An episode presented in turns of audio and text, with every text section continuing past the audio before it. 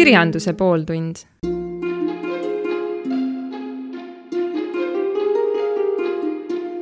tere, siin Põltsamaa raadio Kirjanduse pooltund, Heldur Lääne. oleme jõudnud oma seekordse sarjaga viimase, neljanda saateni ja saame teada, kuidas lugu lõpeb. kõik saab kord otsa. eelnevalt, et käes on meil raamat Kümme päeva Paides ja see räägib kodusõjast Eestis tänapäeval ja mitte nii väga sõjast, kui kümne naisega keldris redutavast nimetust kangelasest. sõda on väga ebaõiglane, aga järelekuulamisest saab täpsemalt teada, mis siin ol olnud, seekord siis võtame ette viimased peatükid ja palju ei mõtisklekski nagu eelmised korrad, vaid kõik on selge nagunii. küll vabandan ma nüüdse kohatise keelekasutuse pärast, mida jutustaja eh, kasutab, aga sellises emotsionaalses seisus paremat vist ei saagi tahta. nii et eh, võtame selle teadmiseks, karm aeg nõuab karmi tegusid. ma olin uinunud väga sügavalt, ometi vaid mõne viivu, sest uuesti ärkvel olles kuulsin taamal neid samu hääli rääkimas, mis uinudeski selline mõnus enne une tulekut uinutav vaterdamine. kes täpselt rääkis, ei olnud aru saada, aga rääkimine meenutas pigem laulmist. keegi oli minu kõrval voodis ja sosistas kõrva. oled mees või ei ole? see oli Elle. sosistas väga vaikselt, aga väga tungivalt esimese hooga ei saanud ma aru, mida ta silmas peab. unine ja siis hakkas tasapisi mõte liikuma.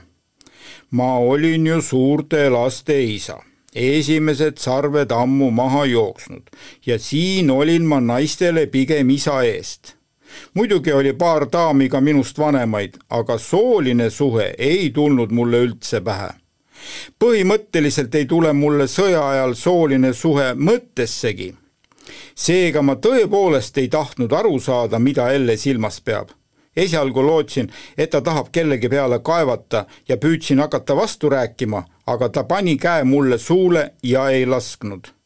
ole vait, oled mees või ei ole, kordas ta uuesti minu vastu liibudes. Väga raske on inimesele selgeks teha, et ma olen juba vanem mees abielus, armastan väga kaasat ja ma tahan magada et mul on vastutus nende naiste ees, nende kõigi ees. poolküljel minu peal liibus mu vastu, ajas nina nii lähedale kui sai ja sosistas kõrva mu pääsuke on juba pesalt läinud, hellita tema lendu, pane oma käsi mu ümber ja silita mind, kallista kõvasti ja masseeri mu tuharaid, pane käsi mu jalge vahele, kas tunned, kuidas see tuksub, kas sa oled mees või ei ole? Oma käega püüdis ta minu väikemeest leida. kuidagi väga kohmetu tunne oli. vastu rääkida ma ei saanud, mõtlesin oma naise peale ja see kõik väga meenutas pigem vägistamist. olin ikka väga jaburas olukorras. juba mõtlesin, et kargan püsti ja kogu lugu, aga ta nägi seda ette ja ütles jällegi sosinal-sisinal, et ära loodagi pääseda.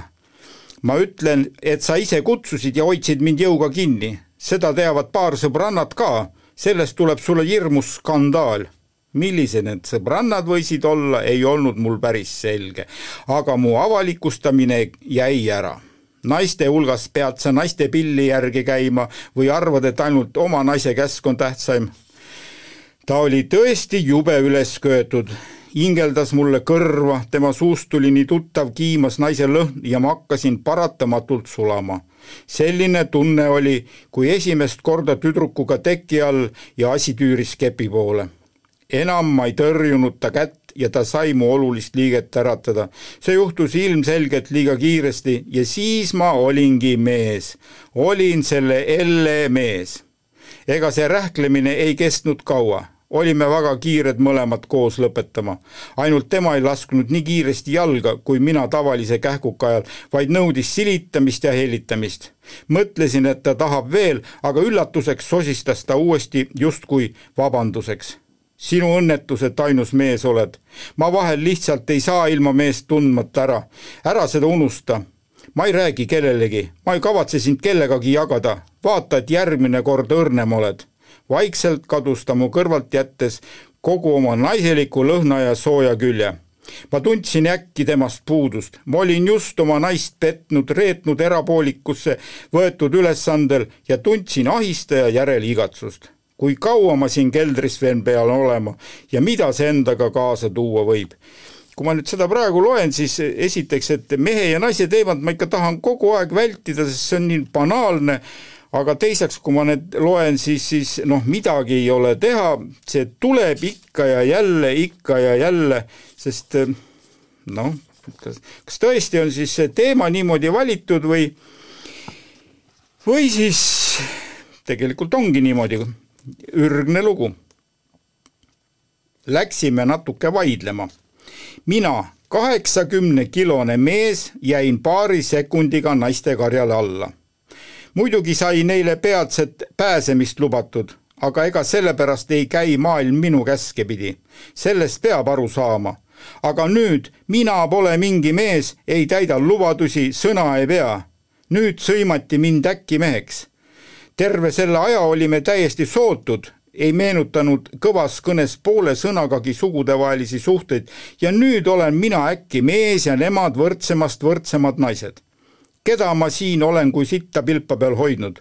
mis nad oleksid siin ilma minuta teinud? kamanda nagu kanakarja, nemad oleksid juba ammugi kodus oma mehe juures maganud. minge enne mehele, pooltel pole üldse mehi ja teistel ainult elukaaslased lapsi pole nagunii, kurat, kaks kondisti ei tee veel naiseks.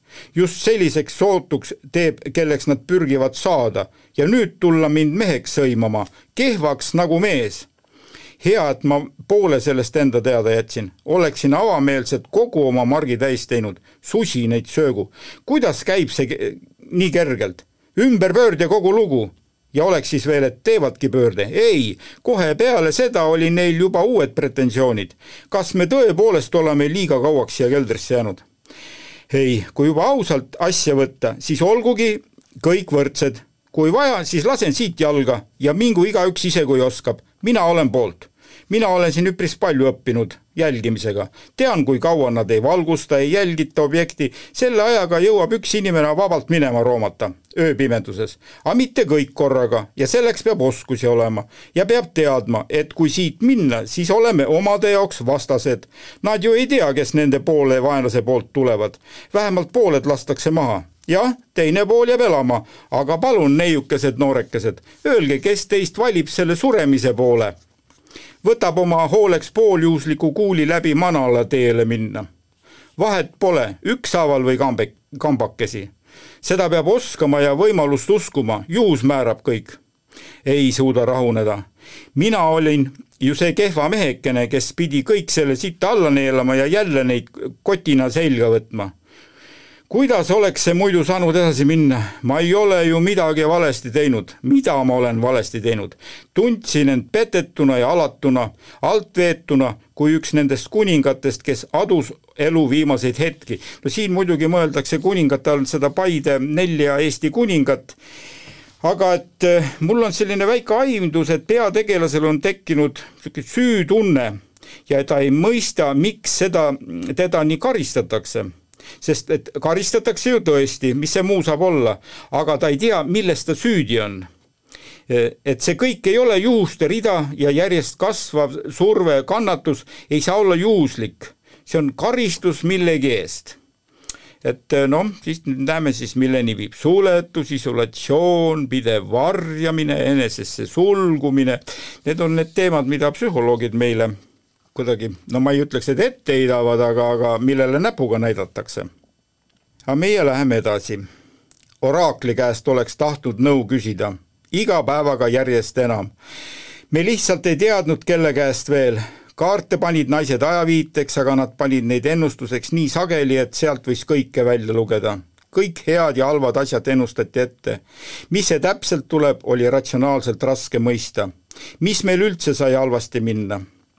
No ründavad ja lasevad maha, no kõiki ikka ei lasta ja kes on maha lastud, need on pääsenud.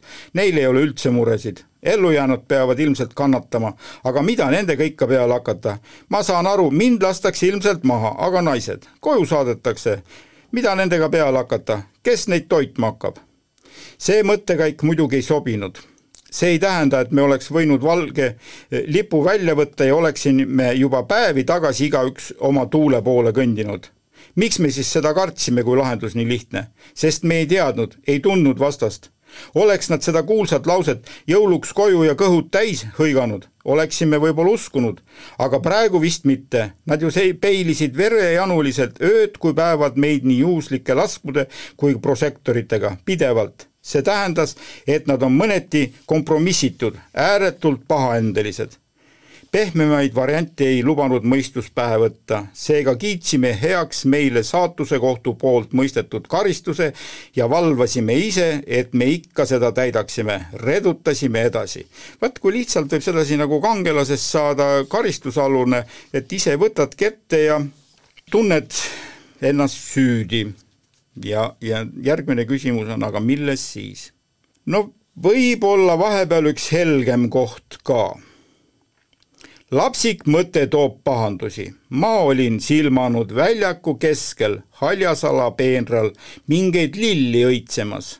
vargsi kasvas sellest plaan kangelast mängida ja seal kimbuke meie naiste lauale tuua prožektori valgusvihud langesid justkui kaootiliselt üle platsi aga selles oli oma süsteem ka.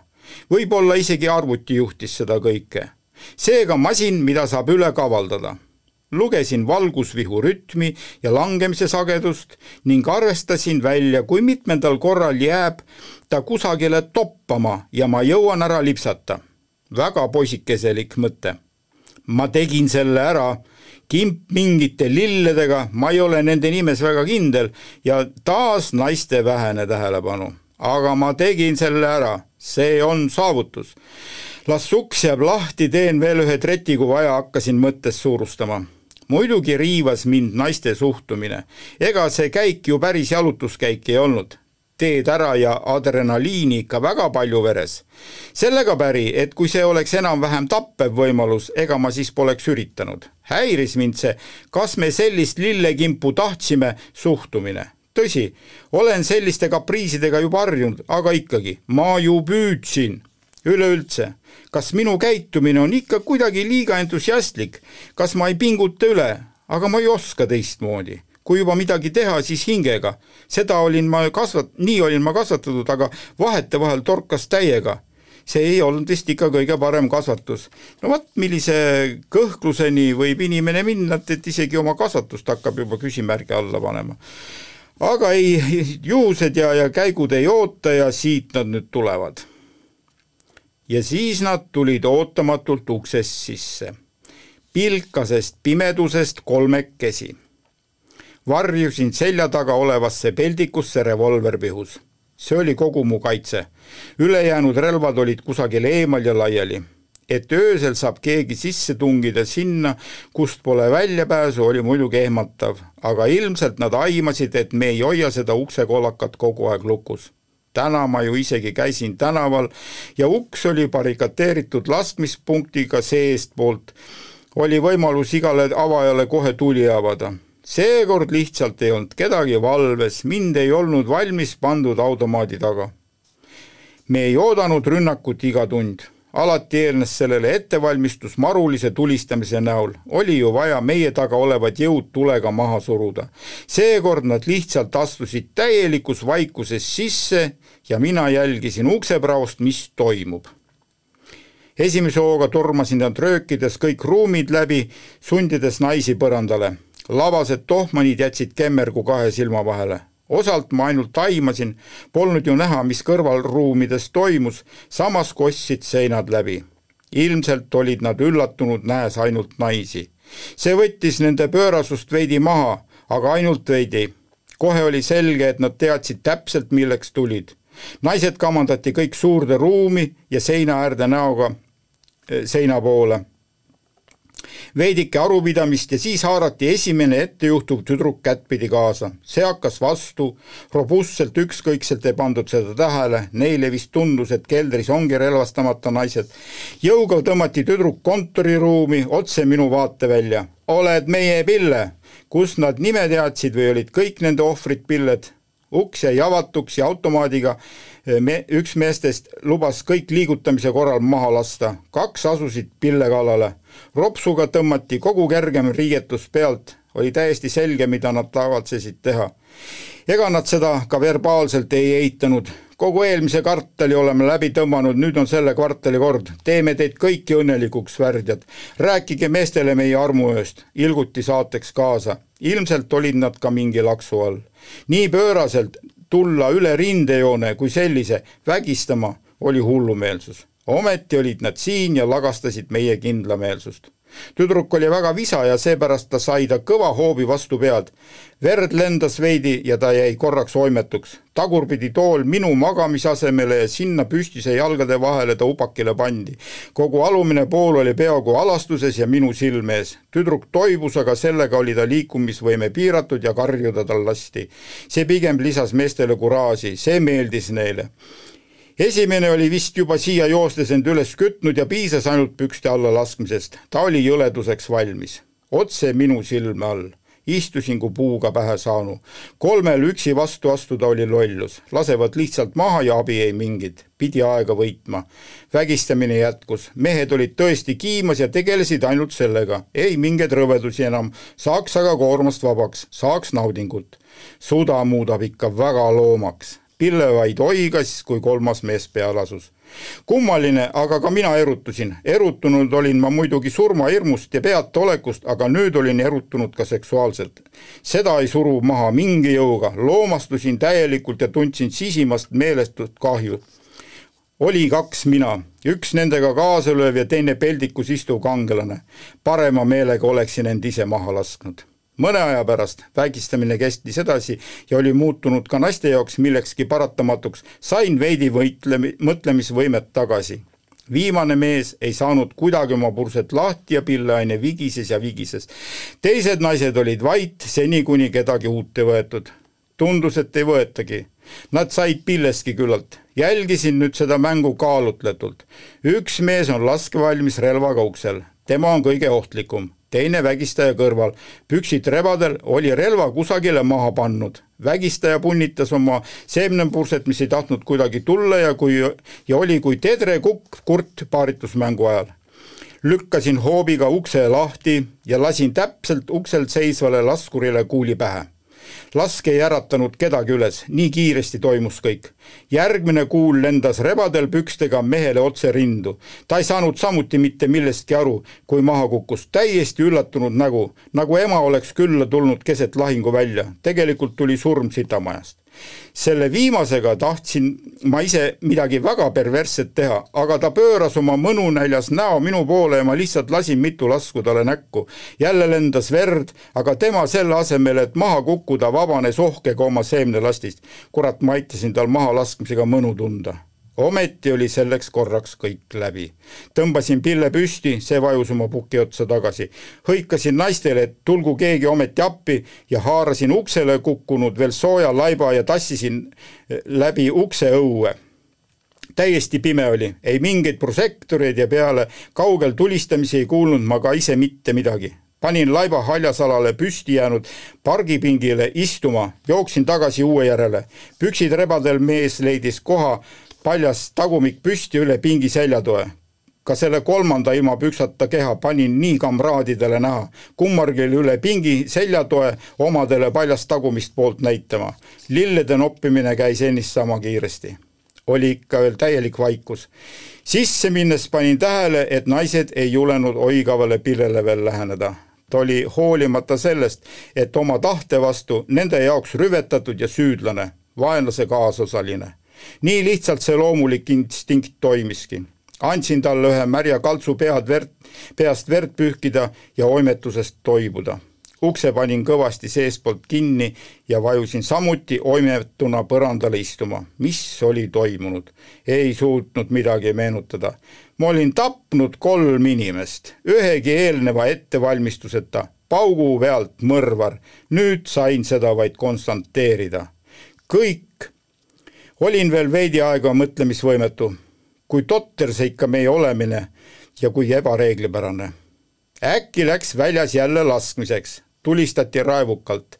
ilmselt nähti kolme üles riputatud manalameest. ka nende pihta, kas nende pihta lasti, ei tea, nad olid juba surnud ja neil oli ilmselt ükskõik. äkki tabasin end mõttelt, vägistajad olid ju kokkulepitult teistega siia tulnud, sellepärast ei olnudki ei valgustamist, ei tulistamist.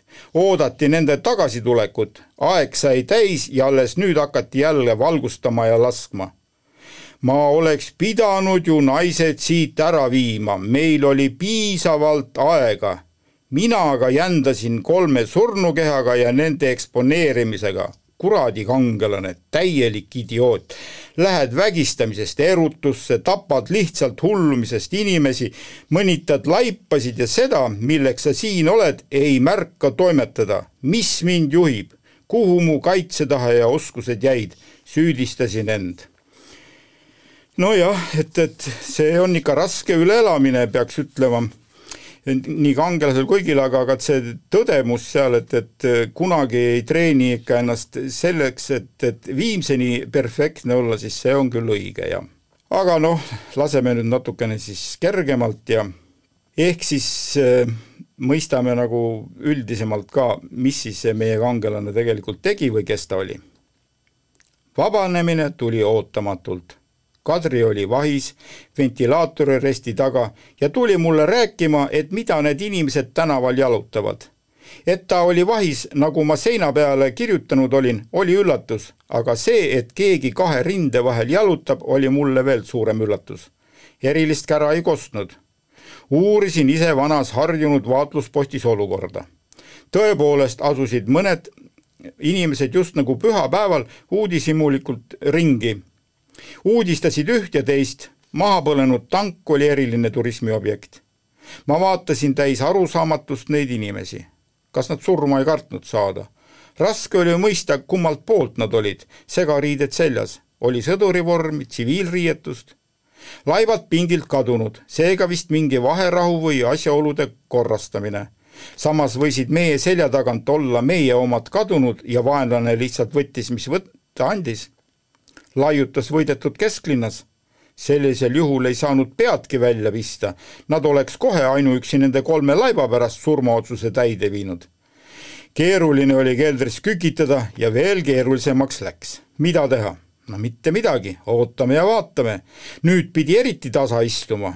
Lähedal jalutavad sõjaväelased võisid meie olemasolust aimu saada, seni nad kindlasti ei osanud midagi kahtlustada Victoria oli hakanud jahust ja piimapulbrist pannkooke küpsetama. olla pühapäeva hommik, kümnes päev. tagavarasid ümber ladudes õunatšemi purgi leidnud, mis muud veel teha, isegi munapulbrit leidus, ehtsad vanaema pannkoogid pühapäeva hommikul. nii rääkisid ka paar tänaval olnud meest, ise kuulsin pannkoogi küpsetamise lõhn laius üle tänava, üle terve kesklinna. see oli selline lõhnalehvik, et elu ilmas ei püüa kinni. ilus naine tegi veel ilusama üllatuse meile kõigile, nagu püksi oleks teinud. kui poleks äkitselt kohale vuravat džiipi, oleksin käsipidi talle kallale läinud. mis isetegevus see olgu, jäin vaatama, mis edasi saab autost väljus meie president ma tundsin ta kohe ära. keegi leitnant jooksis talle ette kandma, anti au ja jalutati keskväljakul edasi. võtsin Victoria käest peaaegu jõuga pannkoogitaldriku kuhja pannkookidega, ropsisin riided seljas sirgeks, moosipurk kaenla alla ja marssisin välisukse juurde, avasin selle hoolimatu liigutusega ja midagi kartmata läksin otse presidendi poole. naised ei julenud mulle järgneda. härra president, tohib teile hommikusöögiks pannkooke pakkuda? joo, suurepärane, õnnitlen teid meie õiglase võidu puhul, see päev jääb väga olulise tähtpäevana meie ajalukku. Eestile truu surmani, suutsin pisaraid täis silmadega talle vastata. samas autokapotil hakkasime temaga koos kooke nosima. poisid, otsige kohvitermos välja, toetas president ühist söömaaega. no vot, siia ongi nüüd nagu selline faktiline lõpp, jutustades juurde siis veel see, et, et pärast seda, nagu meie vaba maailm ikka, et, et meelelahutussaated võtsid ka igasugu teemasid üles ja ja kogu sellest keldriseltskonnast tehti ka üks väikene sari lausa, et mida ja kõike seal. Meie kangelane ei saanud kohe sellest üldse aru, et no kes see ometi siis filmis ja üleüldse võttis kogu selle materjalid, mis nad seal tegid, aga see oli tema jaoks üllatus, et, et oli igasugu videot ja ikka väga korralikku materjali, aga peaosa ei olnud ja seekord jäi ka tema ikka pigem statisti rolli, et seda ühte meest seal nii väga ei, ei näidatudki. ja teine pool oli nüüd veel see, et, et äh, ausus, õiglus ja kõik käib mm, edasi, et, et aga noh, eks siis need vastaspoole kamp ju ka kuidagi oli ennast ilusasti ära sättinud, et nemad võtsid asja üles selle vägistamise kohta seal ja mässisid ka sinna meie kangelase sisse, sest et, et kuna ükski naine pealt ei näinud, nemad olid ju teises ruumis seal, et tegelikult ju siis ikka meie kangelane ka lõi seal kampa ja ja nende kolmega ja sellepärast ta need kolm tükki maha lasigi, et, et tal oli esiteks aega ja ja siis ei olnud tal tunnistajaid. et, et tal oli ikka päris kurja vaeva, et, et, et saada üldse õigeks meheks, et tema ei ole tõbras olnud aga seda oli nii lihtne talle sinna peale panna ja, ja tead, tema jaoks oli üldse täitsa arusaamatu, et tema arvas, et see oli ikka sõjaaja lugu ja siis on sõjaaja seadused, aga arutleti kui lihtsalt tavalist kriminaalkuritegu ja ja jah, peab ütlema, et, et see jättis temale ikka väga suure mõra äh, südamesse õigus ja õiglus oli võitnud. president arvas selle sõja nii häbiväärse olevat, et veterani seisust ei kohaldanud, ordeneid välja ei andnud, rahvas hindab ise oma kangelasi. õigus muidugi, aga minul ei olnud raamitud ordenit puhvetikapis säramas ja meelde tuletamas, millises roosa põrgu eeskojas ma olen olnud. üürike aeg tundus hiigelpikana ja kas oli selles keldris vaja passida, ei tea, vist tõepoolest oleks ka muid väljapääse olnud tagantjärele tarkus, mis sellega peale hakata. isegi lähedaseks ei saanud kellegagi. no selle peale võib ka ütelda, et abielul läks tal tõesti lõhki, sest naine arvaski, et, et, et mees ainult sellepärast rindele läkski, et, et selle kümne naisega seal keldris olla. ma napsitan vahetevahel, kuldsed sildid pudelitel meenutavad, et olen rindel olnud. ei midagi kuninglikku, pole kunagi olnud, tavaline elu vaat nüüd me oleme siis selle raamatukese läbi saanud, selline see minu lugu oli ja mis ma nüüd nagu kokkuvõtteks võiks ütelda, et tegelikult ei pea kõigest asjadest siin maailmas rääkima ja kirjutama. aga et no kuna seda tehakse nagunii, siis mina kah andsin hagu juurde. mida tähendab see minu suuremeelsus, kui ma seda ei teeks, kes seda kuulab? ja viis aastat tagasi kirjutas üks hall hiireke jubedaid lugusid. meil oli üks parimatest aegadest elada, meeletu majanduskasv ja piiramatul kasvav eaelu. Covid, sõda Euroopas ja majanduse uperpallid tulid peaaegu äsja. ometi saame selle raamatu lahti lüüa ja kogeda kõike seda, mis meil praegu peaaegu et on olemas. et järelikult oli tollal midagi õhus hõljumas jah, võib-olla. mulle meeldib taolisi asju lugeda ja kui keegi nii ei kirjuta, siis võtsingi ise käsile. pealegi on kirjutada nii mõnus. head kirjanduse leidmist sullegi, armas kuulaja, ja kohtumiseni. aitäh, et kuulasid, siin Heldur Lääne, kirjanduse pooltund, Põltsamaa raadio. suur tänu but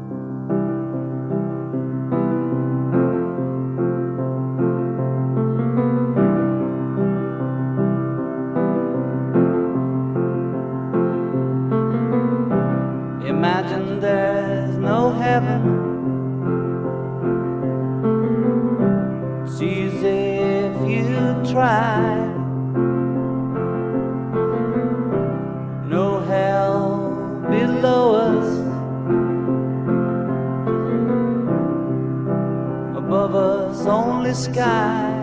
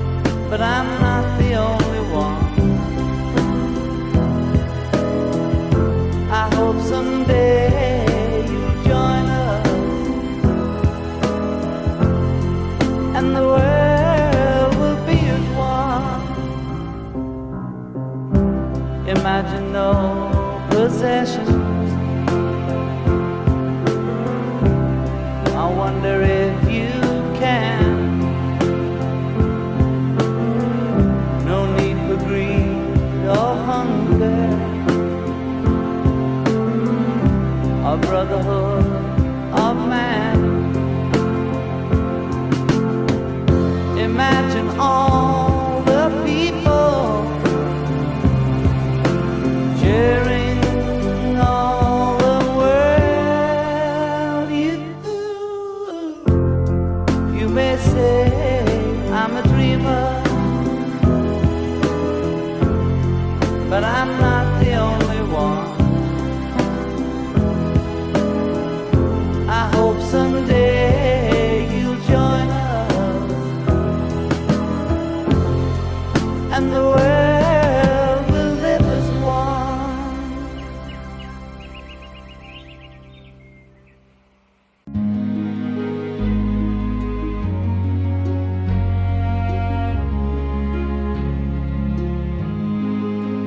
kirjanduse pooltund